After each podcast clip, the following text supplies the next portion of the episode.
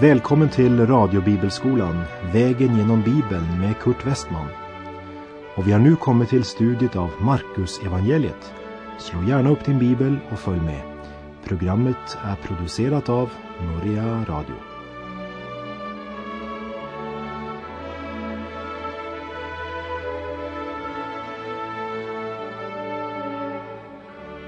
Vi har nu kommit till kapitel 14 som är det längsta kapitlet i Markus evangeliet. Här ska vi inte först och främst möta Jesus som den som handlar, men snarare hur både hans vänner och hans fiende handlar i förhållande till honom. Tiden har kommit då han ska utelämnas och hans jordiska gärning går mot den händelse om vilken Jesaja profeterade följande. Lik ett lamm som förs bort för att slaktas. Han utelämnar sig själv i människornas händer. Maria smörjer honom med salva. Judas förråder honom. Petrus förnekar honom och Israels religiösa ledare arresterar honom. Och Jesus överlämnar sitt liv fullkomligt i Faderns vilja.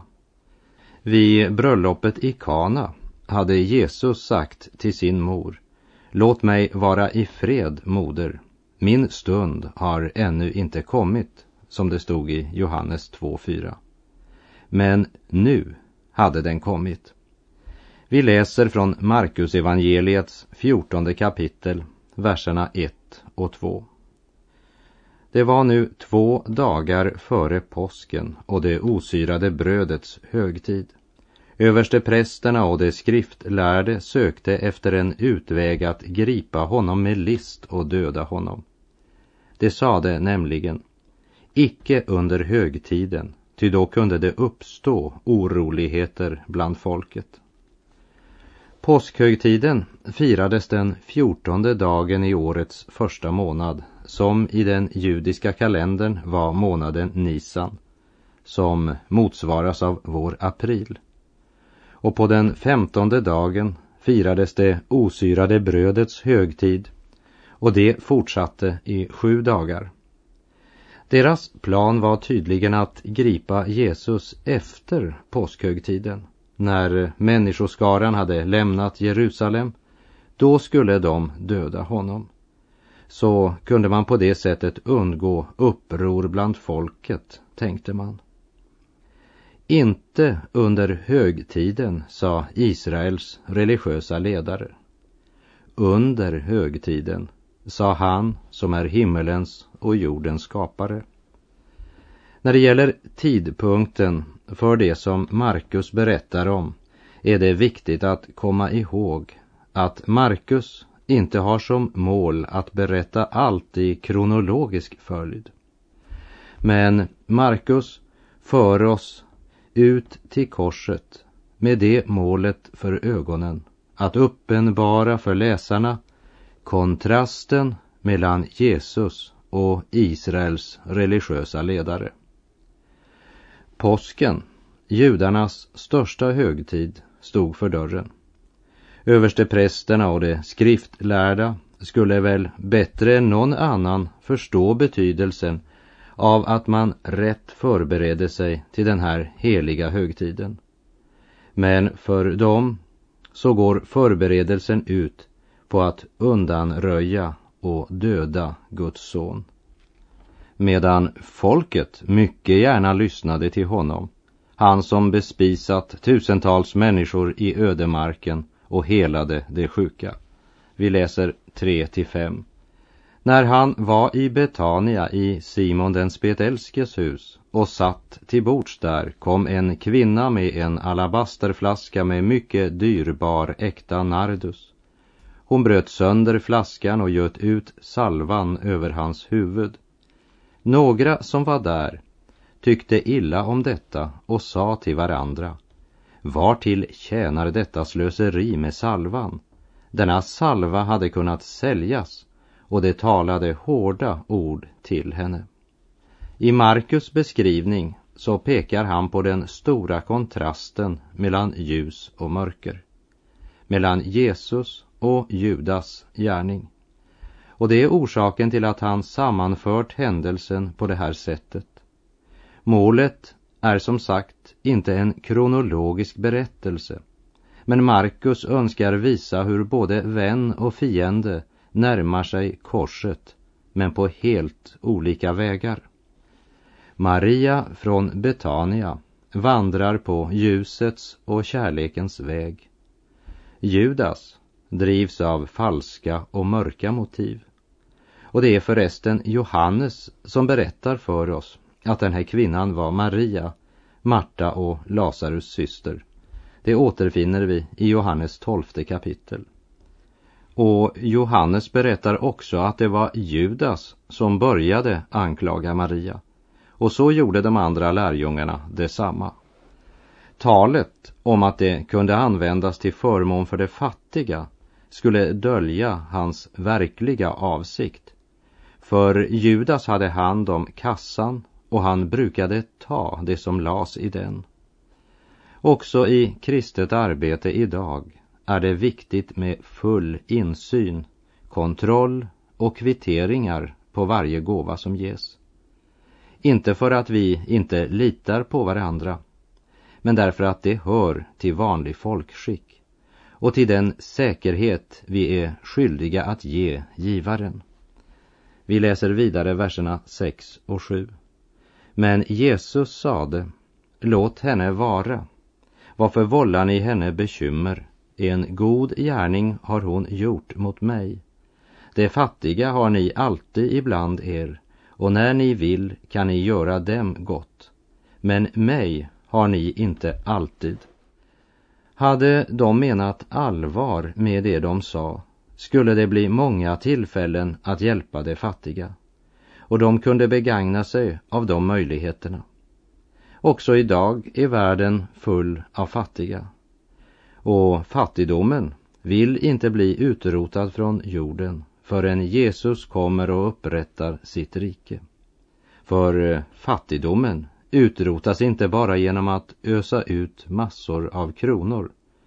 För det är så mycket orätt i världen som först måste rättas till på många plan. Våra hjärtan måste förvandlas.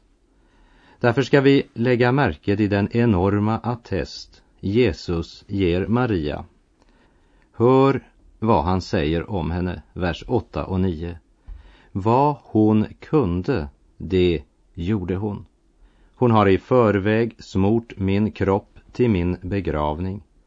Sannerligen, jag säger er, överallt i hela världen där evangelium blir förkunnat ska också det hon har gjort bli omtalat till minne av henne. Allt vad hon kunde, det gjorde hon. Om alla kristna bekännare hade gjort det hade världen sett annorlunda ut.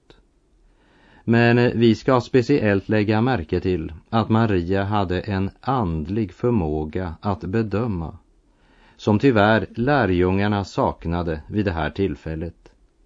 Hon smörjde hans kropp till hans begravning. Denna fattiga och bräckliga kvinna stod i ytterkanten av händelserna som ledde till korset. Men hon ville låta Jesus veta vad hon förstod.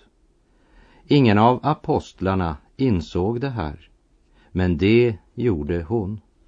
Och doften från den krossade alabasterflaskans nardus har av den helige ande burits över hela världen in till denna dag. Tänk, där Jesus i sitt lidande under korsets skugga gick mot Golgata så var det en som förstod. Det är så fort gjort att man läser det här avsnittet utan att det egentligen får någon avgörande betydelse för oss.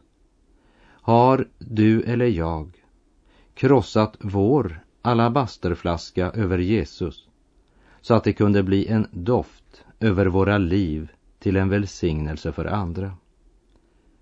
Jag tror att om någon idag skulle krossa sin flaska med smörjelse var det kanske heller för att hjälpa de fattiga. Låt oss fråga oss, som Guds folk, kan det sägas om oss det som sades om Maria i förhållande till Kristus? Det du kunde, det gjorde du. Ja, allt vad du kunde. Och lägg märke till att rakt igenom denna underbara handling i ljus och kärlek och andlig visdom möter vi Judas plan att förråda vår Herre. Vers 10 och 11. Då gick Judas Iskariot, en av de tolv, bort till översteprästerna för att förråda honom åt dem. När de hörde detta blev de mycket glada och lovade att ge honom pengar. Sedan sökte han efter lämpligt tillfälle att förråda honom. Här möter vi Judas och den mörkrets gärning han planlägger. Han har planlagt att sälja Jesu liv. Planen går ut på att han ska vänta på ett lämpligt tillfälle att förråda honom. Han eh, ska tjäna på det. Synden har så förblindat Judas så han ser inte att det i verkligheten är sin egen själ han säljer. För några få silverpenningar säljer han sin frid och evigt liv. I Johannesevangeliets trettonde kapitel säger Jesus till Judas Vad du gör, gör det snart. Så Judas blev tvungen att hasta bort till fariseerna och säga Det är bäst att ni slår till nu med en gång för er plan har blivit avslöjad. Han bad mig att kvickt göra det jag skulle göra. Skynda er, han kan resa härifrån. Så de drog genast ut med sina soldater för att med facklor och bloss söka efter honom som är världens ljus.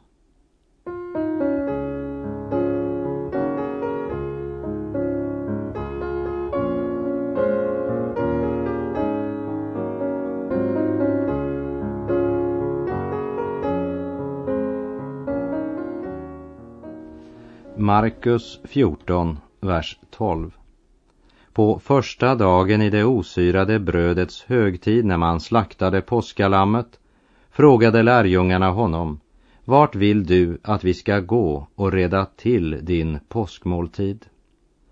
Påskalammet skulle ätas tillsammans med osyrat bröd och därefter så skulle man i ytterligare sju dagar äta osyrat bröd. De föreskrifterna står i Andra Mosebok kapitel 12 och lärjungarna följde i detalj vad Mose lag påbjudit. Men nu vill de av Jesus veta var han önskar äta påskmåltiden och vi läser vers 13 och 14.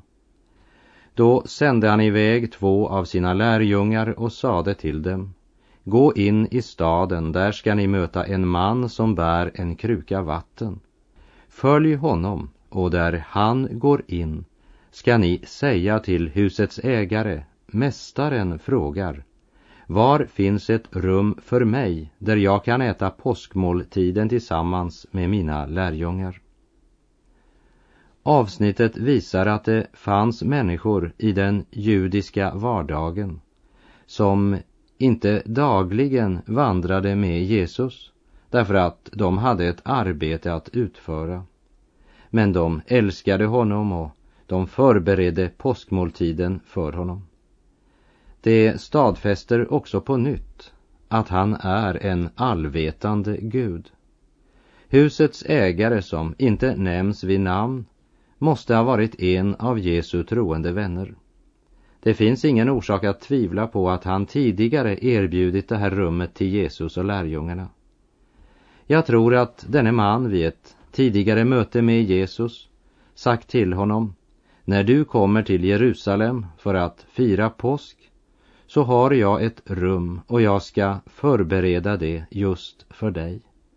Och även om denne man kunde vi säga vad han kunde, det gjorde han. Och den allvetande Jesus kunde i förväg säga lärjungarna att de kom till att möta en man som bar på en kruka vatten när de kom in i stan.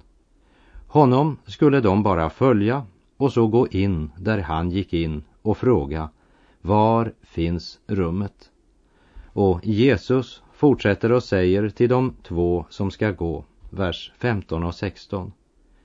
Då ska han visa er en stor sal i övre våningen, betäckt med mattor och färdig för måltid. Gör i ordning åt oss där. Lärjungarna gick ut och kom in i staden och fann det så som han hade sagt till dem och det gjorde i ordning påskmåltiden. Vi lägger märke till att Jesus firade påskmåltiden i ett lånat rum. Och det är tydligt att detta var avtalat. Och det skulle vara en privat påskmåltid. Inte ens husets ägare skulle vara där. Endast Jesus och de tolv. Och vi läser i vers 17. När det sedan blev kväll kom Jesus dit med de tolv. Lägg märke till att han kom på kvällen. Påsken börjar vid solnedgången och jag tror att Jesus kom i skydd av mörkret. Han skulle inte provocera sina fiender. Han skulle vänta med att utelämna sig själv till hans tid är inne. Det ska inte ske efter fariseernas eller de skriftlärdas plan, men efter hans plan. Det är Gud som styr händelserna. Fast Israels religiösa ledare tror att det är de som styr när de nu beslutat sig för att tillintetgöra denne Jesus. Han äter påskmåltiden tillsammans med dem på ett oformellt och naturligt sätt. När vi på söndags förmiddag ska fira minnet om denna händelse och förkunna hans död har det tyvärr blivit nog så formellt. Det här är det sista måltid han äter tillsammans med lärjungarna. Och nästa måltid tillsammans med dem var frukost på stranden av Galileiska sjön efter hans uppståndelse. Och det tror jag var en underbar gemenskapsstund. Och det var också det som ursprungligen var tanken med både mat och kaffeservering i kyrka och församling. Målet var inte en social samling där vi talar om väder och vind. Men tanken var att det skulle vara gemenskap omkring personen Jesus Kristus, som är församlingens huvud. Det var tanken med påskhögtiden. Vi läser vers 18 och 19. Medan de låg till bords och åt sade Jesus. Sannerligen, jag säger er, en av er ska förråda mig, en som äter tillsammans med mig. Då blev de bedrövade och frågade honom, den ene efter den andre, icke är det väl jag? De kände alla sitt eget onda hjärta så pass att de anade att de alla hade kunnat förråda honom. Den människa som inte upptäckt att han är totalt fördärvad och inte en god person, men en syndare. Han har inte upptäckt särskilt mycket. Men till och med i församlingen finns det folk som inte insett att de är syndare och förlorade. Och det finns frälsta människor som inte inser att de har ett hjärta som kan vända Gud ryggen. Vi har alla orsak att fråga, Herre, det är väl inte jag? Och vi läser vers 20 och 21. Han svarade dem, det är en av de tolv, en som doppar i samma fat som jag. Människosonen går bort som det är skrivet om honom, men ve den människa genom vilken Människosonen blir förrådd. Det vore bättre för den människan om hon inte hade blivit född. Det var Judas Iskariot som förrådde Jesus. Och hans ansvar var mycket stort därför att han hade möjligheten att vandra tillsammans med Jesus i tre år. Och salmisten utbryter i Saltaren 41. Ja, också min vän som jag litade på, han som åt mitt bröd, lyfter nu mot mig sin häl. På nytt möter vi ljusets och mörkrets kontrast. Den ljusa festmåltiden till minne om förlossningen från Egypten med dukat festbord och lovsång som ljuder. Och så plötsligt Jesu klara ord om förräderi. 22 till och med 25.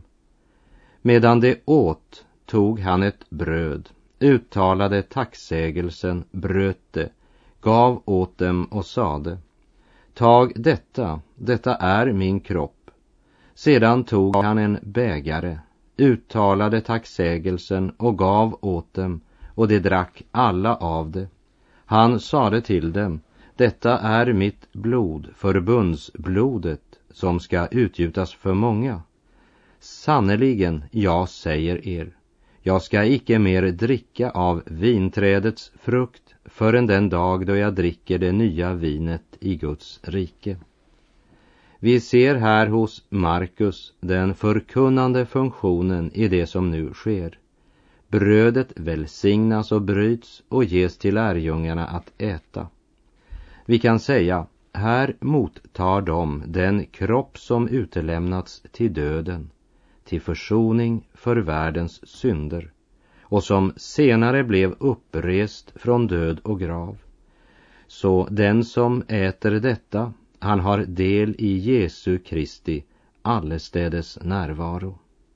Också ordet om vinen talar starkt. Detta är mitt blod. Detta är ger en stark tröst. För lika så säkert som vi dricker av denna bägare, lika säkert mottar vi det blod som rann för våra synder på Golgata. Och vi mottar honom, han som utgav detta sitt eget blod. Och i det perspektivet ser vi klart att nattvarden är den nya paktens offermåltid som ersätter den gamla paktens påskmåltid som också hade ett blodigt offer som förutsättning. Men här är det viktigt att nämna att den gamla paktens offermåltid endast var en skugga av nattvardens gåva. Påsken är något som Israels barn firat sedan uttåget från Egypten, då Gud gav order om denna högtid till minne om påskalammet. Men nu, med Jesu instiftelse av nattvarden, får påskens högtid ett helt nytt innehåll. Nu är det Jesus, Guds lamm, som är högtidens centrum. För påskhögtiden den skådade framåt mot det fullkomliga offerlamm som skulle komma. Och nu har vi nattvarden som ser tillbaka och förkunnar hans död.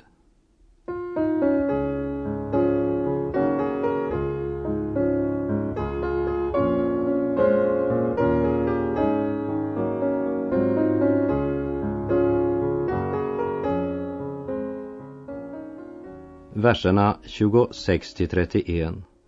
När de hade sjungit lovsången gick de ut till Oljeberget. Då sade Jesus till dem, ni ska alla ta anstöt. Ty det är skrivet, jag ska slå herden och fåren ska förskingras. Men sedan jag har stått upp ska jag gå före er till Galileen. Då sade Petrus, även om alla andra tar anstöt skall icke jag göra det. Jesus sade till honom, sannerligen, jag säger dig, I dag, i själva denna natt, förrän tuppen har galit två gånger, ska du tre gånger förneka mig. Men han försäkrade ivrigt, även om jag måste dö med dig, ska jag icke förneka dig.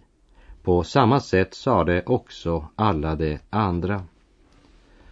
Problemet med Petrus liksom med de flesta av oss som lever idag, är att vi inte känner vår egen skröplighet.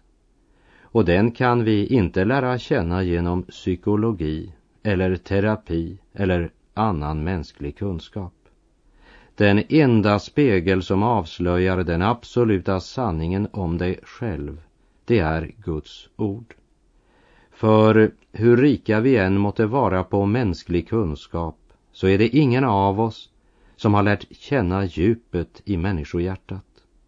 Endast Guds ord och Guds helige ande kan uppenbara det för oss, vilka syndare vi egentligen är.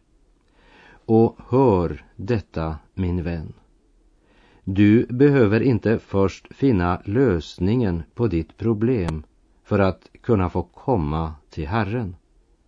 Men kom till Herren med ditt problem. Han är den store läkaren. Men gör nu inte detta till en motsättning. Jag tackar Gud för goda kristna psykologer.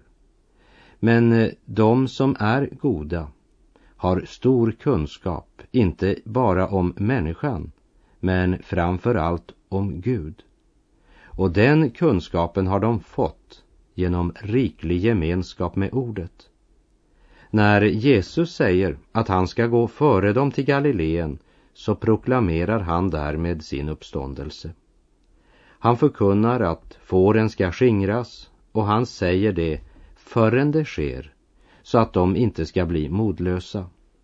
För eljest kan Satan komma och säga hade Jesus vetat att du var så trolös och svekfull hade han aldrig kallat dig. Men Jesus förutsade det här. Och vad Jesus vill säga det är, även om fåren skingras, även om det ser ut som slaget är förlorat, så ska ni veta, Fadern har full kontroll. Detta blir inte slutet, det är bara början.